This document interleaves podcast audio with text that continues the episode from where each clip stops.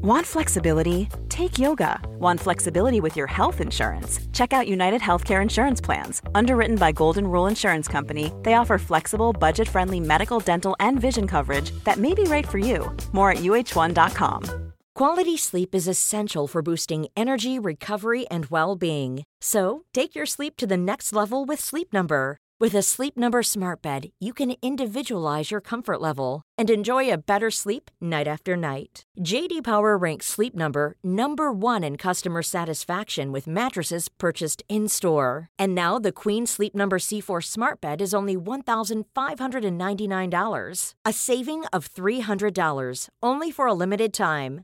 For JD Power 2023 award information, visit jdpower.com/awards. Only at Sleep Number stores or sleepnumber.com.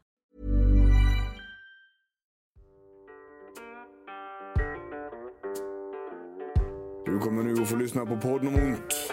En podcast om självhjälp mot smärta och stress med mig, Björn Rodin och med mina kollegor från Kaladius Rehab. Varmt välkommen.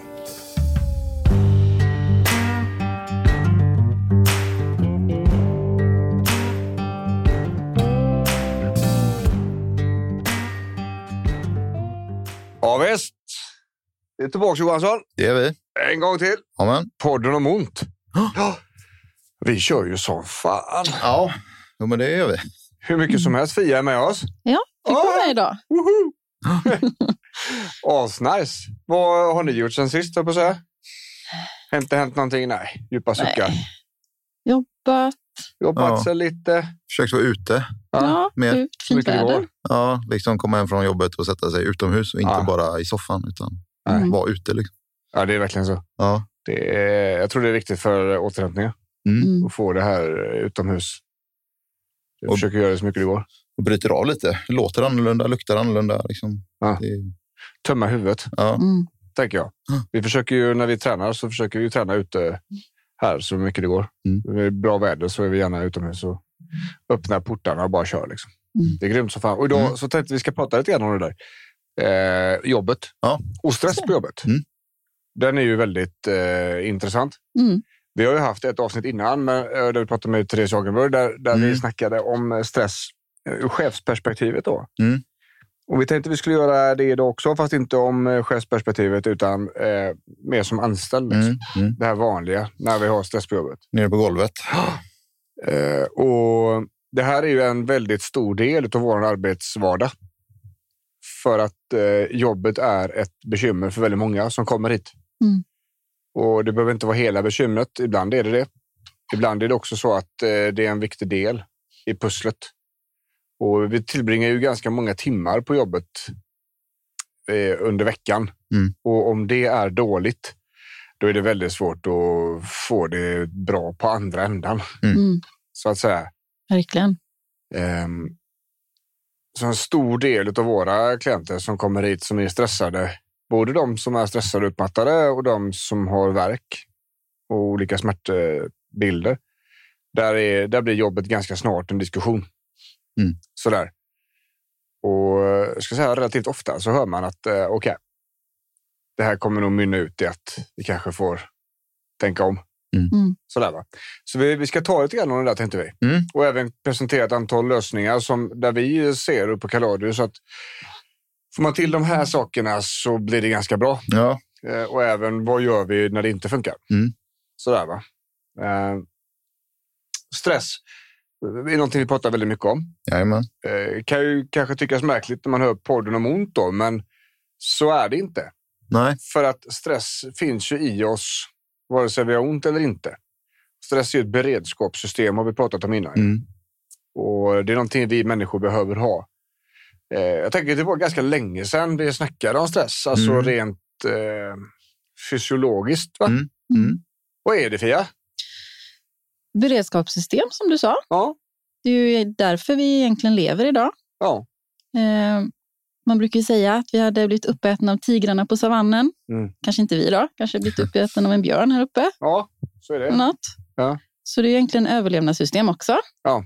Men som ska kicka igång kanske någon minut, några sekunder. Men vi lever år med detta istället.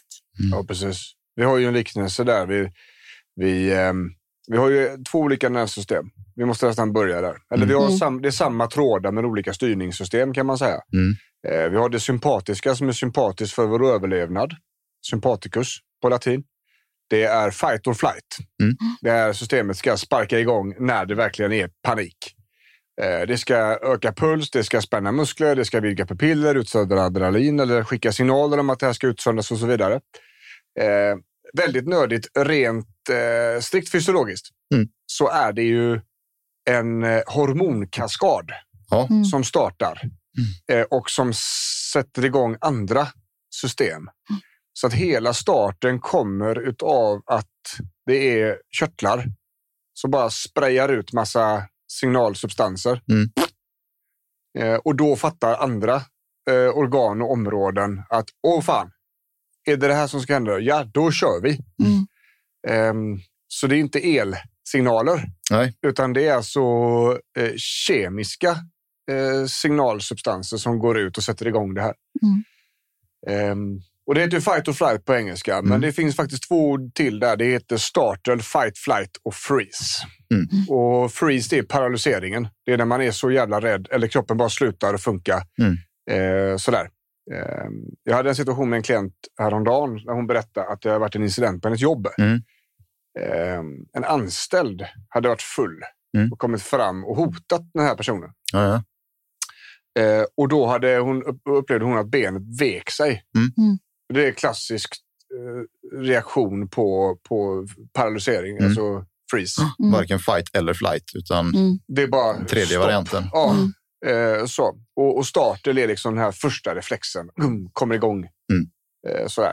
Eh, de allra flesta av människor, eller alla, har ju såklart eh, fått eh, känna på fight or flight. Mm. Det är omöjligt att komma undan det. Jag brukar när jag föreläser så brukar jag använda den här liknelsen med när man nästan smäller med bilen. Mm. Dom, dom, dom, dom, dom. Mm. Pulsen och så är den här uppe. Oavsett hur trött du var så är du knivskarp. Där har vi sympaticus i sin, en av sina renaste former. Då. Mm. Eller man halkar till på en isfläck, Ja. men inte ramlar. Och man Ja. bara, oj, vad var det som hände? Ja, Mm. Och precis. så kommer reaktionen efteråt. Liksom. Ja, och tvärtom då parasympaticus, det är liksom lugn och ro-systemet. Eh, tänk hur kroppen börjar kännas när man nästan dåsar till i soffan precis innan där. Mm. Eh, och om de här två inte hade funkat, framförallt fight or flight, då, så hade vi ju dött många gånger om Mm. som art. Mm. Eh, vi har olika saker som vi ska reagera på. Och med vår erfarenhet och eh, kunskap så ska vi också eh, utveckla den här försiktigheten mot farliga saker. Liksom. Mm. Ehm, och om man tänker att vi hade legat på en sandstrand och så dåsat till i solen där och ut ur buskarna bakom hade liksom störtat en tiger. Mm. Hade sympaticus inte funkat då, att allting hade smält igång direkt och vi drog därifrån eller slogs mot tigern så hade vi dött där och då. Mm. Hade vi däremot också sett skyltarna på vägen ner till stranden att här finns det tiger, hade ni hört historierna som byborna berättade och hade ni sett tiger där själva så hade ni inte dåsat till i någon solstol. Stressen, beredskapen hade varit höjd. Ehm, så där, två, där kan man då se hur de här två hjälper varandra. Då, va? Mm.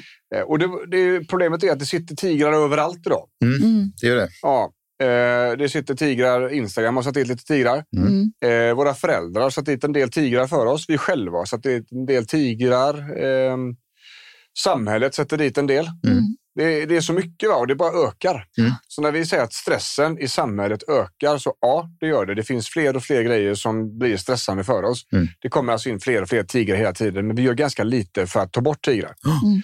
Och eh, vi ska prata om tigern på jobbet kan man säga. Ja, men precis. Eh, Men det innebär inte bara att vi pratar om själva arbetsdagen, utan eh, vi pratar om människan i relation till arbetet, Ja, tänker jag. För det är klart det kan vara saker på jobbet som förvärrar. Ja. Men som Thomas sa i sömnavsnittet, att du kan inte stressa en hel dag och sen förvänta dig att de här signalsubstanserna, hormonerna som du pratar om, Mm. bara försvinner för att du stämplar ut från jobbet. Nej, precis. Utan de ligger kvar. Ja. Och samma sak om du varvar upp på morgonen och kommer till jobbet med redan ett påslag. Liksom, Ja. Så är det klart att du bär med dig det Ja. under arbetsdagen där också. Då, liksom. Precis. Ehm, och det, det här måste vi ju kolla lite grann på. Mm. Eh, vi kommer prata både om själva arbetet, vad vi ser är, är viktiga saker att ta hand om. Vi kommer prata om hur människan som sådan fungerar runt stress och vad vi ser är, är vanliga saker som kanske accelererar problemen. Vi pratar om det sociala, eh, vad som händer där och vi kommer presentera ett antal lösningar i slutet. Jag tror det kan bli jävligt nice. Ja, Mm. känns, eh, känns bra. Ja, jag tänker första punkten vi ska ta, och då är vi på jobbet nu då. Ja. Och i själva arbetet, på arbetsplatsen. Mm. Principiella saker. Och det var ju någonting som Therese sa också. Eh, det är det här med eh, otydlighet. Mm. Ehm, otydliga tjänstebeskrivningar. Det är väldigt diffust vad man förväntas att göra på sitt arbete. Mm. Det innebär att det finns någon som kan insinuera att det ska faktiskt göras mer än vad som är rimligt. Om det finns en tydlig tjänstebeskrivning kan man alltid luta sig tillbaka på den. Både som arbetsgivare, okay, det här är vad jag förväntar mig av individen för Mm. den här lönen som de uppbär. Men också jag som arbetstagare. Som, okej, men det är det här jag ska göra. Mm. Kommer jag någon annan, är det någon, någonting annat som dyker upp här så bara, nej, men alltså det här ligger inte under min tjänstebeskrivning. Eh, då, får vi, då får vi prata om det. Mm. Väldigt vanligt. Vi kommer in på den här diskussionen med de så kallade high performers personligheterna. Mm. De som alltid ska överleverera Mm. av olika orsaker. Vi kommer in på orsakerna om en stund. Mm. Men en otydlig tjänstebeskrivning är typ det sämsta som finns i hela världen för en sån människa. finns inga gränser. Det Liksom. finns inga Nej. gränserna. Eh, och det är någonting vi märker väldigt, väldigt tydligt Mm. av här. Det spelar liksom ingen roll hur mycket man gör. Och även om man skriver ner allting man gör så är det fortfarande inte tillräckligt för det, det behövs göras mer. Mm. Mm. Vilket då leder oss in på nästa del där som du sa Fia förut, att det här för stort ansvar. Det är ju Mm. väldigt många som har arbete, alltså tjänster som kanske skulle vara två personer. Precis, man kanske sitter på två stolar till och med. Ja. Och det kanske är periodvis, för det är ju oftast inte så hållbart. Men alltså sitta på 200 procent tjänster är ju naturligtvis stressande. Ja. Och eh, om man då är en high performer så kommer man inte acceptera en kvalitetsminskning Nej. någonstans Kommer man jobba 16 timmar Ja. om dagen? om dagen. Ja. Eh, och så kommer helgen inte att räcka till. Liksom. Mm.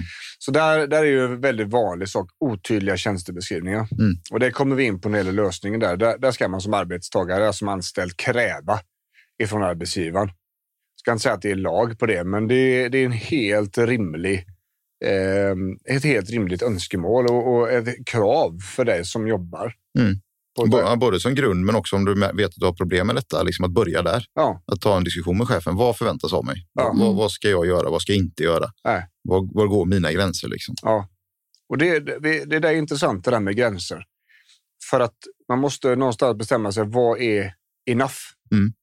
Vad är det jag klarar av liksom? Eh, och då får man ju kanske dissekera arbetsdagen ner på timbasis. Jag har åtta timmar. Jag är heltidsanställd. Det innebär att jag ska jobba 40 timmar i veckan. Det är åtta timmar om dagen.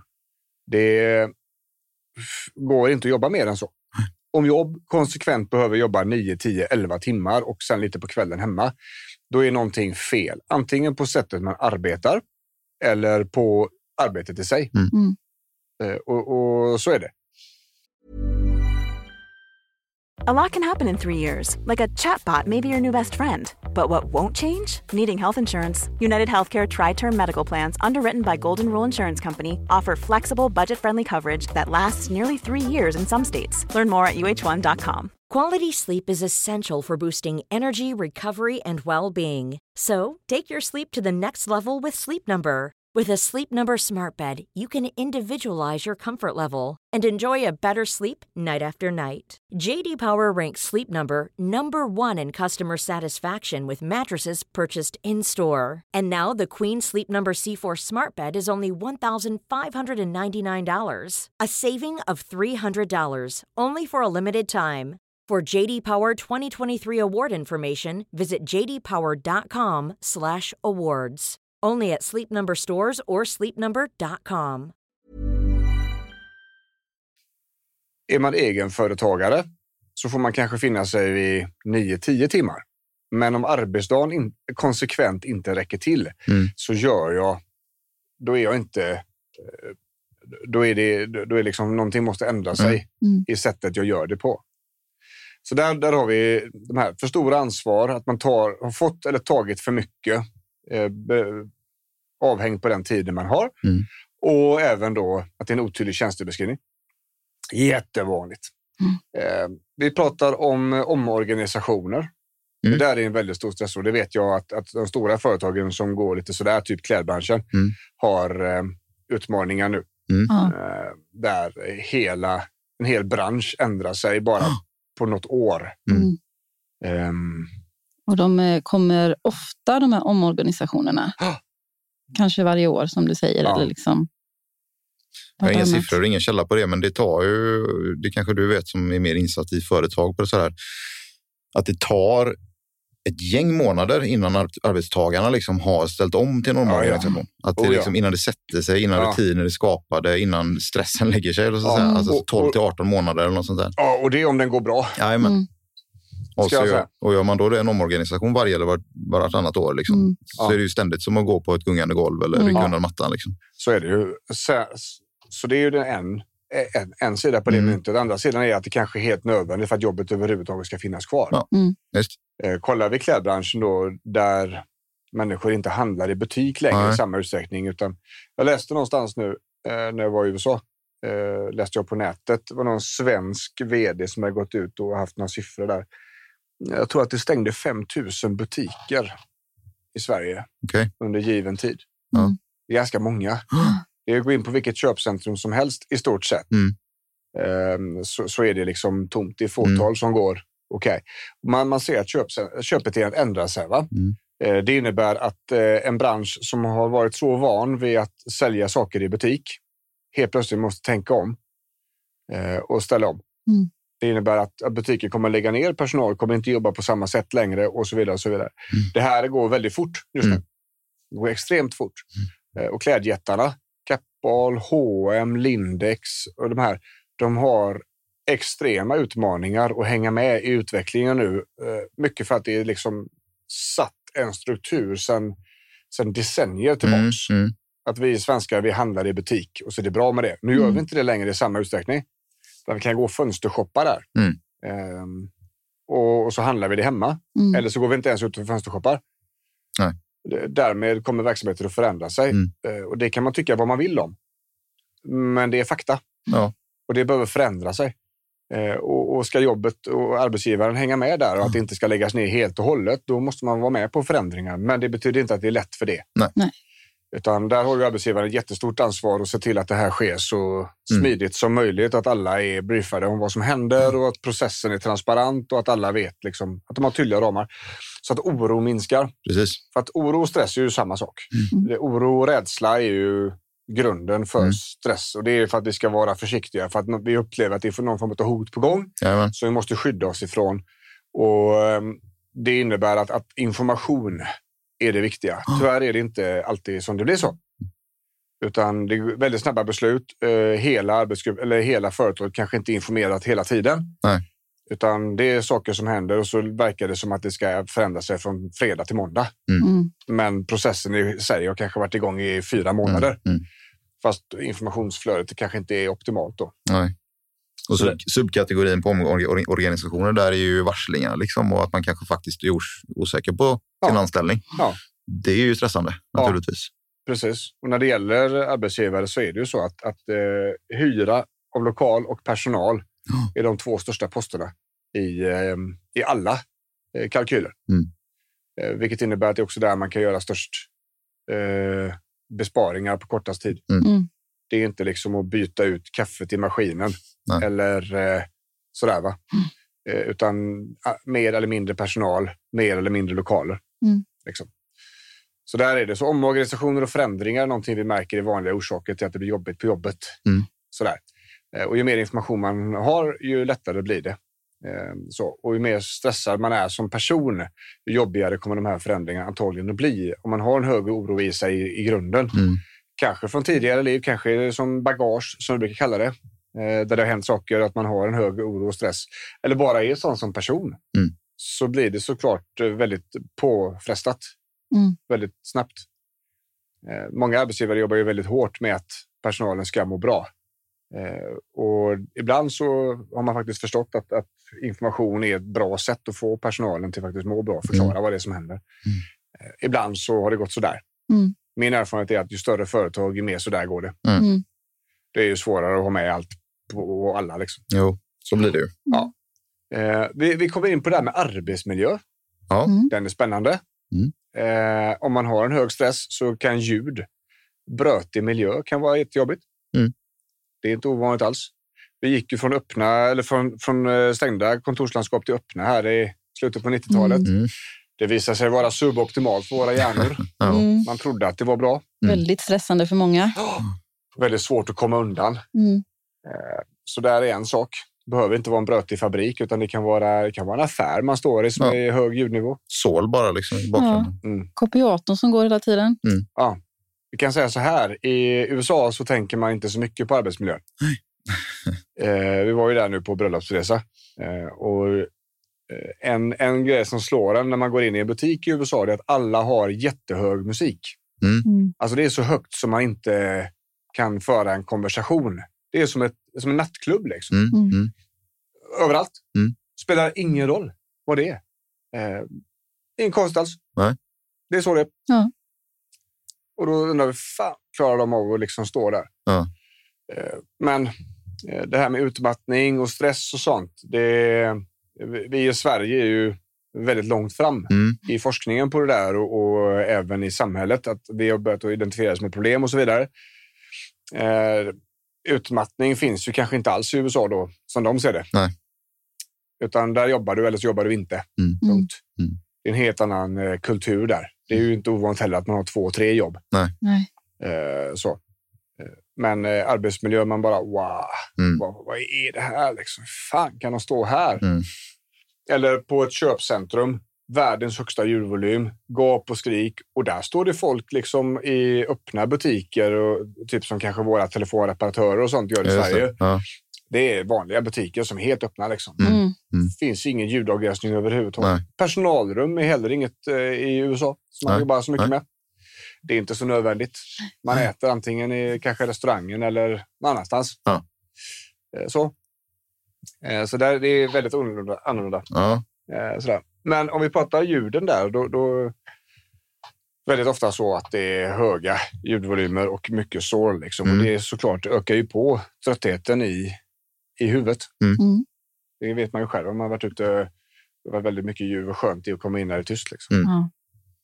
Vi pratar ju om stresskontroll och stressbehandling och då är det ju mycket att ta bort stimuli. Ja. Ofta telefonen och tvn då, liksom. det är ju jättemycket stimuli för vår hjärna. Mm. Men även det här ljudet då, eller buller eller surr Mm. eller kopiatorn som du säger Sofia. Ja, precis. Liksom inputen i hjärnan. Ja, Mm. ska man dra det här till kanske eh, smärtrehab Mm. så vi vet ju det att, att eh, när stressen ökar så kan ju även smärtan öka. Jajamän. Tolkningen ökar ju och så vidare. Då. Och är det då hög ljudvolym så kan det faktiskt vara så att det gör ondare. Mm. Bara av att sådär. Pratar vi dessutom spänningshuvudvärk till exempel, Mm. huvudvärken som sådan, all den stimulin som huvudet får in där, Mm. det är ju väldigt jobbigt. Mm. Eh, Så det kan ju vara en sak att kolla över. Och det, ehm, det öronproppar och sånt om det är väldigt högt. Mm. Det är ju liksom inte dumt. Det är ju ingen bra arbetsmiljö, Nej. men det går ju att göra en quick fix där. Jajamän. Vi pratar om eh, eh, schema. Mm. Eh, bra eller dåliga arbetsscheman. Finns Mm. det luft i schemat? Mm. Finns det bra raster? Finns det pauser under dagen? Eller är det 30 minuter på dagen och sen så kör vi? Mm. Mm. Sa jag. Mm. Väldigt olika. Mm. Ehm, Jag tycker att man borde ta en någon liten mikropaus en gång i timmen i alla fall. Mm. Det är ju inte säkert det går. Eh, Men man får också, om, i den mån man kan styra det själv så bör man göra det. Mm. Är det så att eh, arbetet som sådant inte tillåter det, att man står på en fabrik, på en lina eller så vidare, Nej. då, eh, då får man ju fundera. Mm. Så, klarar jag av det här? Är det så att det är fel jobb för mig? Men de där mikropauserna gör mer än vad man tror. Ja, absolut. Jag tänker jag ska bara bli klar med det här. Ja. Så sitter man ju plötsligt två timmar till. Och det ser man ju också i, i forskningen där, att när stressen blir svårare och alltså där sämre, situationstecken, Mm. Så behövs det ju mer pauser. Mm. Mm. Eh, Och större pauser. Det räcker inte med de här mikropauserna längre. Eh, Utan där behöver man verkligen ta hand om det. Man bara kommer till ett sånt läge. Mm. Mm. Sådär, va? Det är också det att, att vi, vi pratar om det, vissa branscher eh, har, alltså branschkulturer har det här högpresterande Mm. i sig. Mm. Eh, och även då när jobbet i sig är prestationsstyrt. Mm. Ja. Prestation i all ära också, men också vårdyrken. Ja. Eh, ta hand om andra, Ja. liksom sätta andra framför, i främsta rummet. Ja. Eh, och så kanske människoöden då. Eh, Mm. Det är ju stressande. Ja. Emotionell stress, liksom. bära med sig hem efter jobbet. Och det är, ju, det är verkligen vissa branscher. Då, Ja, verkligen. Sjukvården är ju ett helt eget kapitel. Mm. Eh, underbemannat, resurssvagt Ja. Och eh, drivs på eldsjälar. Ja, Mm. och det är ju en prestation i sig naturligtvis, men det är ju mer en emotionell, själslig, andlig prestation kanske. Ja. Snarare än pengar, status, eh, resultat. Ja, ja. Den prestationen. Liksom. Ja. Samtidigt så säljkulturen kan ju också vara skoningslös. Ja, visst. Eh, Det ska säljas mer oftare. Mm. Eh, Man ska tjäna mer, göra bättre affärer och så vidare. Och så vidare. Eh, Jag vet att bankväsendet har också prestationsbesvär. Mm. Eh, Vi, eh, vi, har, vi har kontakt med eh, ytterligare en vård, en typ av vårdinstans. Mm. Väldigt intressant där. Det, det är just den vårdinstansen där det är så, så högspecialiserad vård och så svårt att komma in på utbildningarna Mm. att eh, det blir en prestation hos alla. Den ena ska försöka överträffa den andra genom att göra eh, alltså massa annat än jobbet. Mm. Studier, eh, vara med i referensgrupper, Mm. eh, kommittéer och grejer. Så att alltså merparten går på knäna. Just det. För att det har blivit så, för att det har blivit en hög status Mm. del i det här gebitet. Mm. Att prestationen sitter i väggarna. Mm. Och Good där, enough finns inte liksom. Nej, och där finns ju en utmaning. Mm. För att eh, där kommer ju den typen av människor kommer ju söka sig dit. Mm. Så att eh, där blir det ju väldigt svårt. Och det, det är ju på organisationsnivå där de får lösa det här. Vilket är intressant. Mm. Eh, och är vi då inne på jobbet och så där, då pratar vi ju det här när det kanske inte funkar riktigt som man hade velat. Mm. Eh, inte bara med själva arbetet utan även med kollegorna. Mm. Eh, när det finns en vantrivsel på jobbet. Den emotionella stressen är ju svår. Alltså. Ja, Mm. det är tufft. Ja, Och ibland kan den vara svår att veta att det är just vantrivsel kanske. Ja. Man bara känner att det är något som inte känns Mm. bra. Ja. Söndagsångest liksom. Och Mm. så svårt att sätta fingret på. Ja, jag har jättemånga klienter som eh, inte har förstått att eh, det är det som är felet förrän Nej. de har bytt jobb. Mm. Åh fan, var det så här det var? Mm. Var det så här dåligt jag mådde ju där? Mm. Eh, oj. Mm. Men, men det är så. Man, man, man kommer, det kommer här, ofta de här sakerna, det här är någonting som vaggas in. Liksom. Ja, det är Det är ju ingenting som sker från söndag till måndag. Nej. Nej. Utan det här är grejer som, som eh, smyger sig på Mm, och helt mm. plötsligt så har det, har det tagit över. Mm. Mm. Jag vet, eh, jag kommer ihåg jag skrev en krönika för länge sedan om stress. Och att stress är som den här kompisen man verkligen behöver i början. Mm. Och då, då är det viktigt att stressen är där, tempot ökar. Pam, Mm. pam, pam, pam. Mm. Och sen helt plötsligt så, så sitter stressen vid köksbordet Mm. på lördag morgon. Mm. Bjudit in sig själv. Den där som aldrig fattar när den ska gå hem. Nej, precis. Eller han som kommer oannonserat. Mm. Mm. Och, och, och så bara är den där. Eh, och så har man liksom inte riktigt eh, snappat över. Ja, ja, men, ja, ja. Mm. ja, men vi var ju kompisar. Vi har ju Mm. gjort mycket bra, han och jag, innan. Mm. Så han får vara kvar. Och sen så går helt plötsligt så är han där på tisdag kväll. När han inte behövs. Mm. Och så är han där på fredag kväll när man ska mysa med sin partner. Mm. Eh, eller på söndag när man ska till träningen med barnen. Mm. Helt plötsligt så är han där överallt. Mm. Ehm, och då har han kommit in i livet och han tänker inte lämna. Nej. Om inte det är så att man faktiskt... Eh, ehm, Tar ett ordentligt snack med honom. precis. Eh, Och det blir lite en liknelse där. Eh, och det är just när det gäller eh, göra saker, liksom. Mm. kommer vi in på det den psykologiska här. Att det är inte säkert att det börjar, eller det kan börja med att man bara får väldigt mycket saker att göra. Och antingen få bekräftelse eller att det inte räcker till, att man gör ännu mer Mm. hela tiden. Mm. Eh, Och att det är därifrån allting börjar. Att det är Mm. tempot i sig någon gång som har satt igång alltihopa. Och då man då genom att minska tempot och, och jobba på de här sakerna, att man faktiskt kan minska det överlag. Mm. Ehm, vi, vi har ju en del situationer där, där eh, det faktiskt finns regelrätta mobbningssituationer. Mm. Och det är ju aldrig okej. Nej. Utan där är ju, chefen ska ju bara rätt in där. Mm. Eh, utan förbehåll. Ja. Det är ju ingen som ska hållas om ryggen eller någonting. Eh, och funkar inte det så ska man ta chefens chef. Mm. Mm. Eh, och funkar inte det så, så är ju det en av orsakerna som fackförbunden finns. Mm. Alltså, sådär, få extern hjälp. Mm. Ehm, och någonstans så har man ju också en... Man måste värna om sin personliga integritet. Vad är okej? vad är inte okej? Mm. Eh, ja, men vad fan säger du så här till mig för? Du, alltså, varför gör du så? Mm. Det är inte okej. Man får ta det, det personliga planet. Liksom. Ehm, vi pratar också om eh, att ha ont. Då, va? Alltså att ha smärta när man jobbar, jobbar trots att man har ont i huvudet. Eller Mm. för, Mm. för att man kanske inte kan vara hemma. Man Nej. kanske inte har råd Nej. att vara hemma. Mm. Det kan också vara så att man känner en väldig skuld till arbetsgivaren. Mm. Av någon orsak. Det behöver inte ens vara att man är skyldig någonting, utan det kan vara att man, man har skuld i sig som Mm. individ. Och att Mm. nu är jag anställd, nu förväntar jag, förväntas jag att köra galet tempo f- oavsett. Liksom. Mm. Det är min plikt. Det är min liksom. plikt. Ja, för att nu Mm. är jag anställd, därmed är jag också pliktskyldig att göra det här. Mm. Och då, då blir det en, en sjuknärvaro Mm. istället för sjukfrånvaro. Mm. Och det där är en sån sak som har slagit mig under åren här nu att många av de eh, företagen jag är ute och föreläser på, de har inte speciellt hög sjukfrånvaro alls. Nej.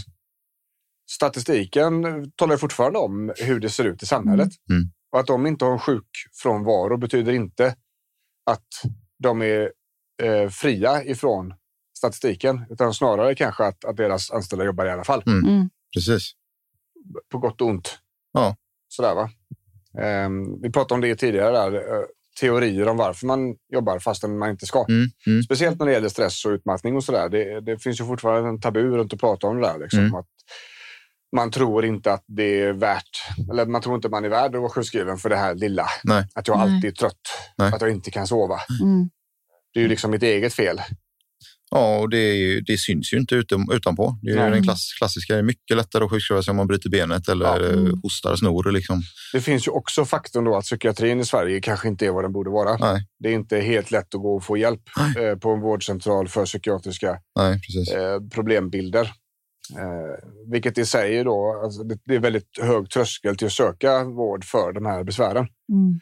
Om man inte har gjort det innan eller inte vet exakt vad man ska göra, vilken ordning, vart man ska gå och så vidare. Mm. Det är en ganska lång startsträcka även där och inse att man är stressad Ja. också. Så det är först kanske när de fysiska besvären blir extremt påtagliga Mm. Ja. som man svarar på det. precis. Det är, väl, ja, det är en väldigt vanlig sak att man inte märker att det är kass förrän kroppen säger ifrån. Liksom. Och alla det- andra orkar ju också. Ja, Ja. För då blir det tydligt när Mm. kroppen, alltså när det börjar bli fysiska symptom. det blir en Mm. begriplighet. Jajamän. Och då känns det sjukt på riktigt. Ja. Eller man ska säga. Jajamän. Fast det kan ju vara svårt att förstå att det är stressen. Ja, just. Den är ju... Och det har vi pratat om massa innan också. Mm. Och eh, det är väl en av våra kärnpunkter i podden om ont. Det är att försöka få fler att förstå hur stort problem stressen Mm. är och att Mm. vi måste göra någonting åt det.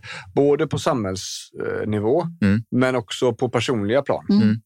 Att vi kan göra väldigt mycket själva. Vi behöver inte stå på barrikaderna och kräva mer resurser till jobbet Nej. bara. Utan vi kan göra väldigt mycket själva. Mm. Ehm, och det måste komma från flera olika håll. Va? Mm. Och när vi pratar om då stressen och, och flera olika håll så har vi även det här att, att vår egen vardag, Mm. alltså hemma, Mm. att det är en, en vanlig orsak till att det är stressigt på jobbet. Mm. Att det blir jobbigt på jobbet. Det är att situationen hemma inte är hållbar. Mm. Eh, Och då ser det ut som att det är jobbet eller man kanske skyller på jobbet eller Mm. det kanske blir att man lägger för stor, för stor del av pusslet i att det är jobbets fel. Mm.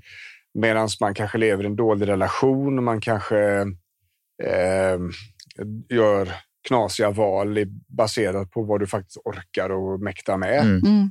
hemma och sådär. Att man inte säger stopp, att man inte tar sin återhämtningstid utan bara låter alla andra konsumera den. Va? Högt tempo och många aktiviteter och pressat schema och Ja. Småbarn. småbarn. Precis, man ger allting till alla andra. Mm. Man har ingen syrgaskväll själv. Liksom. Mm. Eh, Så där finns också en väldigt vanlig del. Kollar man ur arbetsgivarnas perspektiv så säger de ofta att, att det är någonting som har hänt hemma Mm. som gjorde att individen blev sjukskriven och utbränd. Jag, eh, jag är lite jag är ju delad där. Mm. Eh, Jag tycker ju att, att livet ska kunna hända och att det ska kunna... Alltså livet kommer att hända vare sig arbetsgivaren vill det eller inte. Mm. Eh, Och det måste finnas marginaler till att klara av det hemma. Mm. Nu kan man inte liksom stärka upp sig och ha en så bra stresskapacitet att man klarar av trauman Nej, för det är det ingen som gör. Liksom. Nej. Det blir jobbigt för alla. Nej. Skilsmässor, dödsfall, sjukdomar, skit som händer i våra liv. Mm. Mm. Ehm, det kommer att vara jobbigt. Mm. Vi kan inte stärka upp för det. Utan vi måste, vi måste se till att vi klarar av most of the time Mm. istället. Mm. Den ska vi klara av. Så pass sta- stark kapacitet måste vi ha. Mm. Ehm, men när vi inte ens gör det, Mm. när det är jobbigt att hantera hushållet för att jobbet konsumerar alldeles för mycket, Mm. då, då är vi ute och cyklar. Mm. Eh, Då måste någonting ändra sig. Antingen eh, på jobbet eller eh, eh, i vardagen. Så. finns ju också, det är ju vanligt också att man tar med sig jobbet hem helt enkelt. Man Ja, ja. slutar inte jobba för att man åker därifrån. Nej. Utan man tänker på jobbet och så gör man det där som man ska och sen när det lugnat sig på kvällen sätter man sig och jobbar. Absolut. Och det, är- det är ju väldigt vanligt bland oss egenföretagare. Det, det blir mer en stress att inte sätta sig på kvällen Mm. Mm. och inte förbereda morgonen och så Mm. vidare. Och så vidare. För att man inte ger sig till, till det på förmiddagen efteråt. För att man kanske har planerat alldeles för skevt. Då. Mm. Så att här, här, är, här är en hel hög med vanliga orsaker. Mm. Eh, många av dem kan vi påverka på egen hand. Eh, för att det är ju så här att, att när man, om man då är en, en high performer, alltså en, en högpresterande personlighet, då försöker vi antingen jaga till en känsla, vi vill känna någonting som är bra, eller så vill vi ja- jaga ifrån en känsla. Mm. Eh, bägge de här två till och från är drivna av grundkänslan skuld i mångt och mycket. Mm. Speciellt då när det gäller high performer. Eh, det finns även det här, man skulle kunna säga att det är flykt ifrån oro och rädsla och sådär. Men jag tänker att det är mer när det är eh, större, Ja. allvarligare hotbilder. Mm.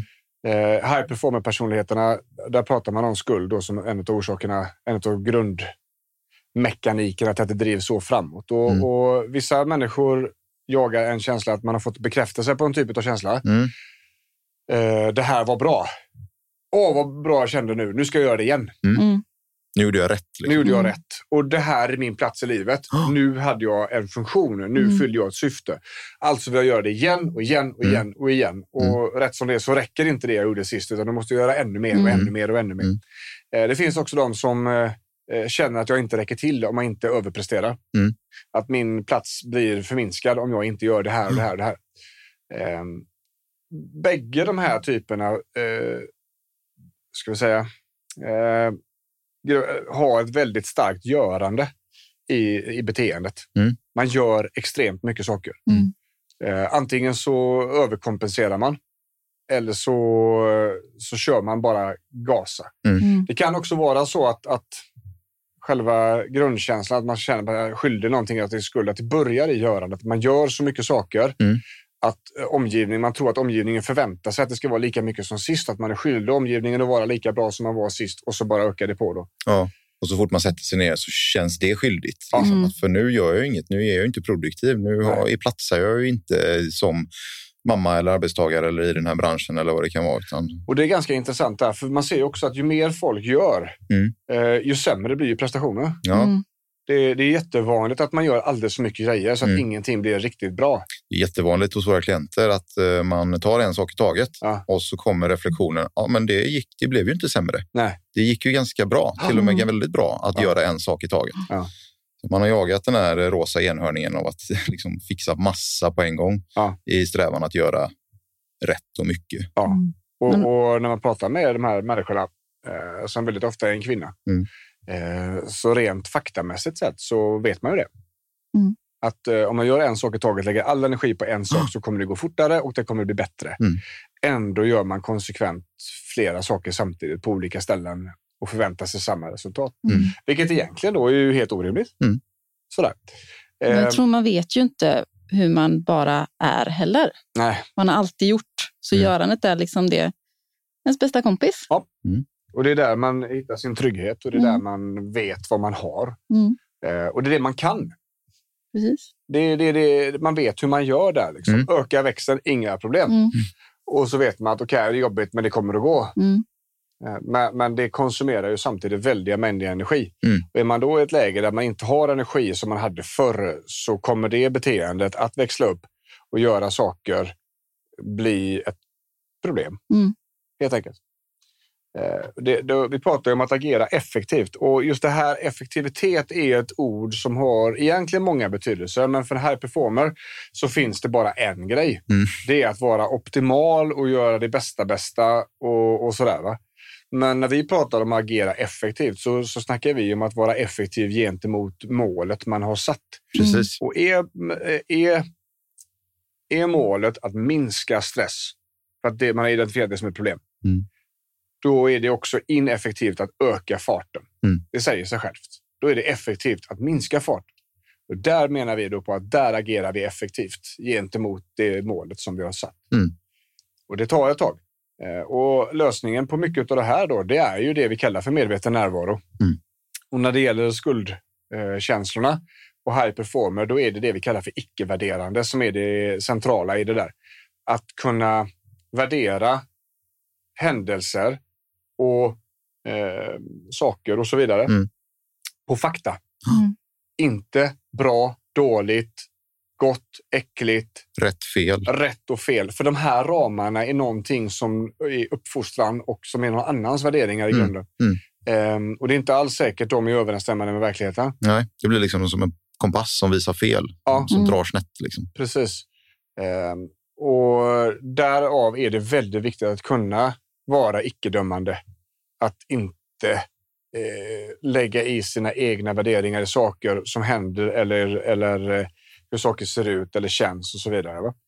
Ehm, Det är väldigt centralt när det gäller skulden och det gör vi i medveten närvaro. Det är en av färdigheterna vi bygger upp där i. Vi pratar ju om vad-färdigheter och hur-färdigheter. Medveten närvaro, mindfulness. Mm. Ehm, vad-färdigheterna är ju vad hjärnan ska göra och det är i princip att använda sina sinnen kan Mm. man säga. Mm. Lukt, syn, hörsel, smak, känsel och sånt här. Ta in så mycket eh, ingångsvärden som möjligt. Liksom. Ja, och, och kunna vara, använda dem. Mm. Kunna bestämma att nu använder jag mina sinnen. Jag luktar efter detta och tittar efter detta. Mm. Eh, hur-färdigheterna sen, det är hur vi gör detta. Och eh, en av de här grejerna är då att, att eh, beskriva icke-värderande. Kunna plocka fram ingenjörsbeskrivningen av saker och händelser. Mm. Mm. Och där i, i, i hur-färdigheterna, som säga, sluttampen på det här, så finns det också då att agera effektivt. Det är när vi då har kommit så pass långt att vi har en, en bra handbroms så att vi kan bestämma hur vi agerar. Hela KBT pratar ju om att, att vi ska bromsa impulserna som känslan skapar. Alla känslor, ehm, eh, skuld, rädsla, eh, ilska, skam och de här sakerna, Mm. de genererar olika impulser. De, de, de ska generera ett beteende. Vi ska göra på ett visst sätt när vi känner en speciell sak. Mm. Men det är när det här beteendet skapar problem för oss, det blir ett bete- problembeteende, då behöver vi lära hjärnan att bromsa upp detta så att vi inte bara agerar på känslan som kommer. Eh, Och det gör vi bland annat med medveten närvaro. Då. Mm. Eh, Och grymt effektivt. Och svårt, Mm. Ja. Jättesvårt. men eh, det funkar Ja. kan jag säga. Det funkar jättebra. Eh, Det funkar även på oss då som har en, ska vi säga, ett inre tempo som inte bara är beteenderelaterat. Mm. utan där det finns i oss Mm. eh, i grunden. Mm. Eh, ADHD och liknande, Mm.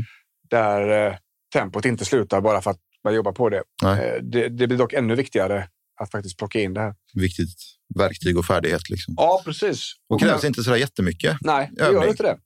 Det gör Utan, inte det. eh, det. Tröskeln är hög. Precis. Det ska vi faktiskt Mm. eh, med handen på hjärtat säga. Jajamän. Det är inte helt lätt.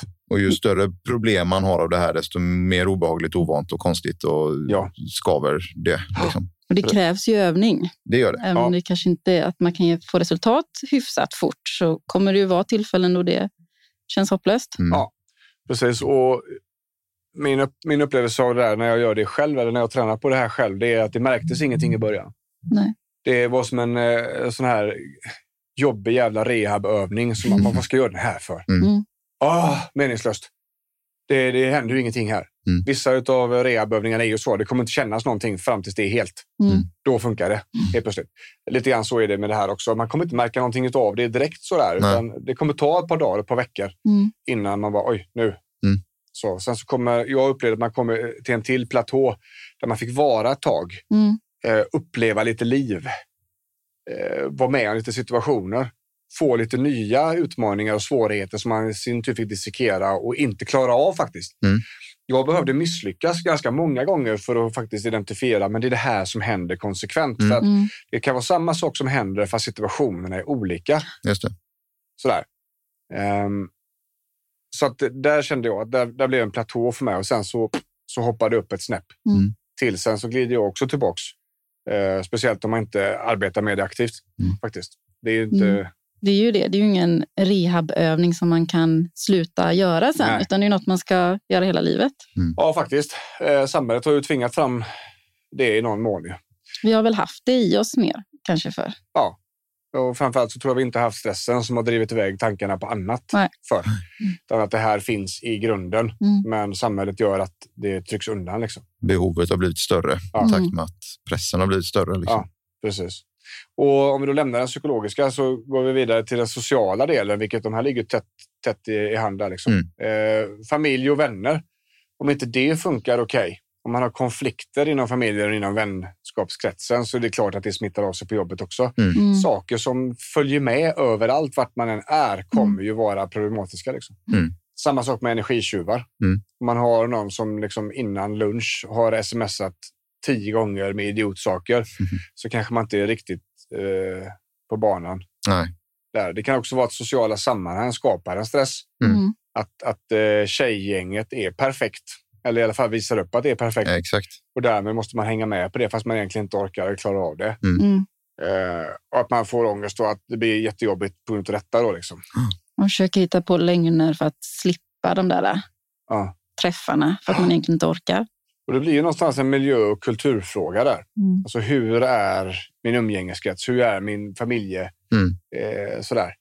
Eh, och jag, jag, grundar, jag la- landar gärna i, i det individuella beslutet där. Man måste bestämma sig. Mm. Mm. Hur, hur vill jag ha det här? Liksom? Är det här rimligt? Mm. Eh, vill jag må så här? Om jag vet orsaken så vet jag också. Då kan jag också ta ett beslut om att nej, så här ska det inte vara. Mm. Eh, och då blir det jobbigt. Då blir det jobbigt. För det kommer innebära att man kanske måste bryta med en viss typ av människor. Eller Ja. sådär, va?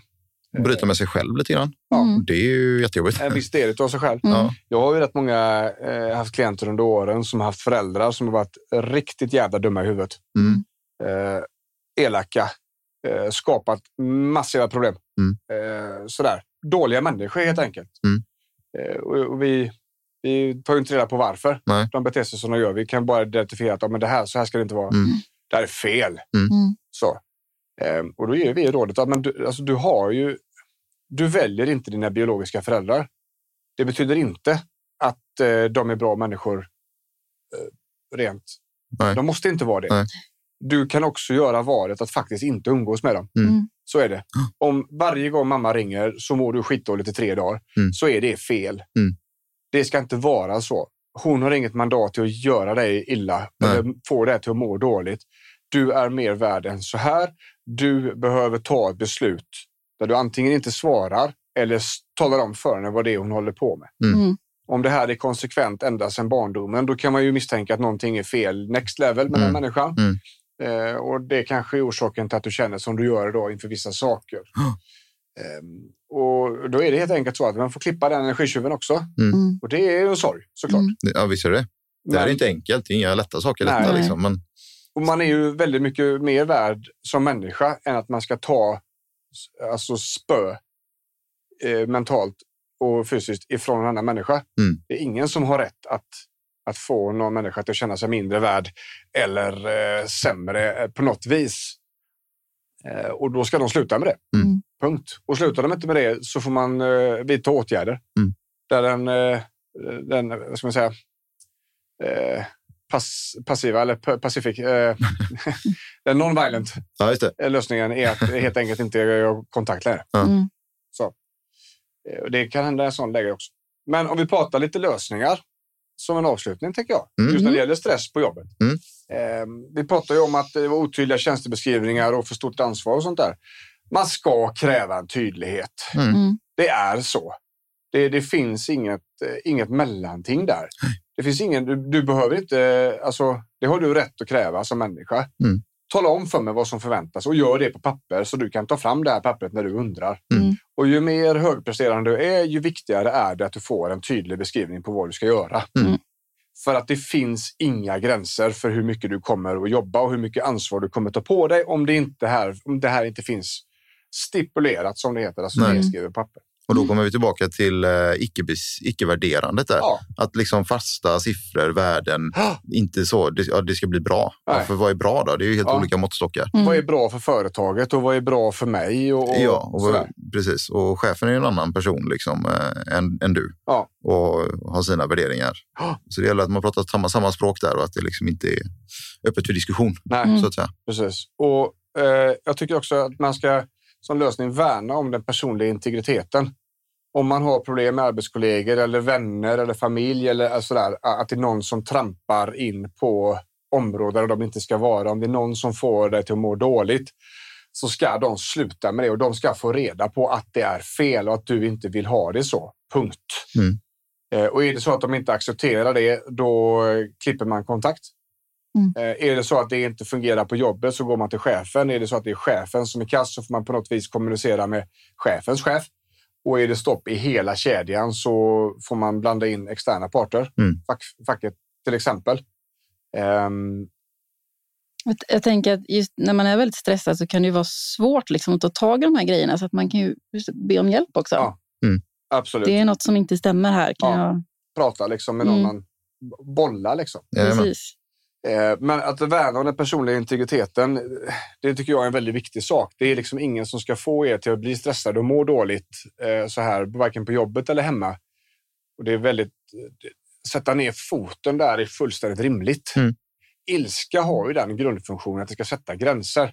Och det är okej att bli arg på folk som inte beter sig som de ska mot er. Mm. Och de ska få veta det. Mm. Det ska bli en konsekvens och funkar inte det så får man ju eskalera ärendet så att säga. Mm. Ehm, när det i, eh, gäller den personliga stressen så är det någonting vi konstant behöver jobba på. Det är väldigt sällan bara jobbet det är problem Nej, precis. utan man kan göra väldigt mycket själv. Och då har vi, eh, jag vet inte hur många avsnitt i podden där vi pratar om detta. Vi är stressverktyg och det är återhämtning och alla de här viktiga sakerna som är väldigt bra att jobba på och som ni kommer att tacka er själva för att ni började jobba på. Mm. Eh, Det här är en, man kan inte släppa den.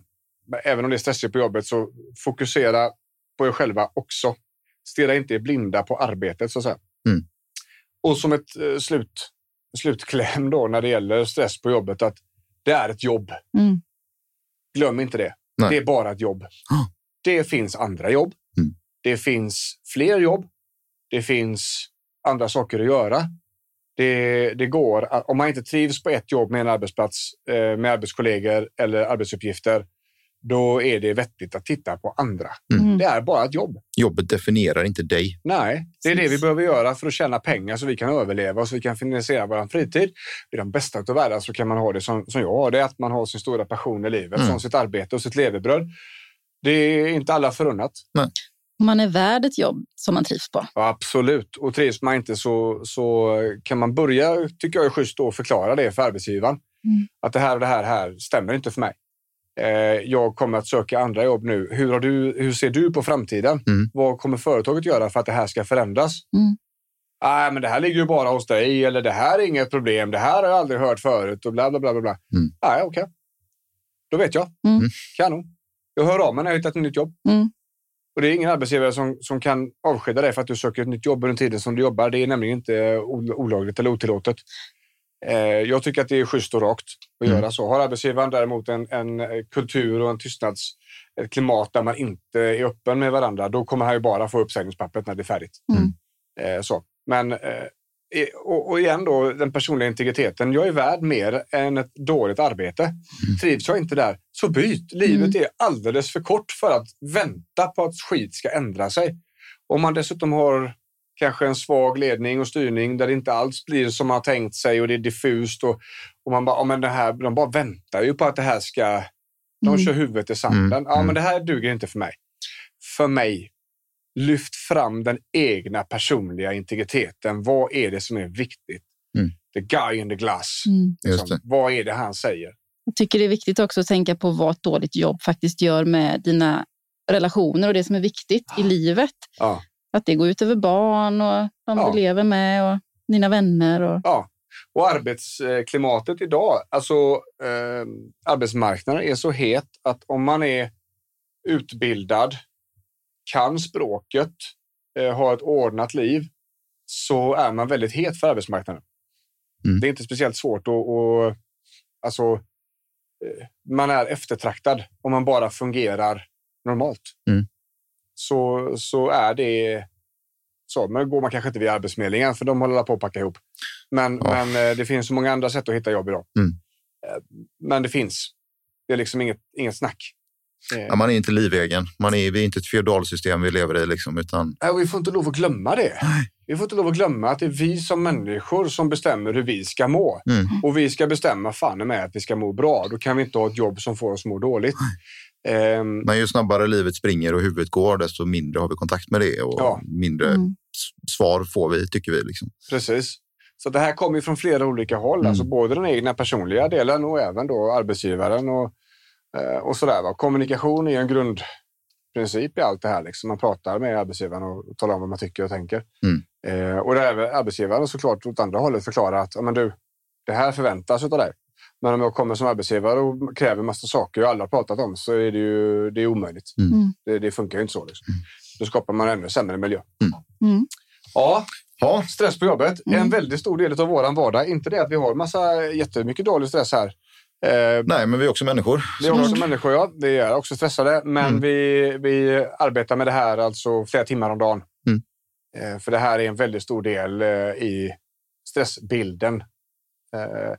Även då i smärtbilden som folk kommer till Kaladius för. Mm. Sådär. Så där är det stress på jobbet. Mm. Det är bara ett jobb. Ja, det är bara ett jobb.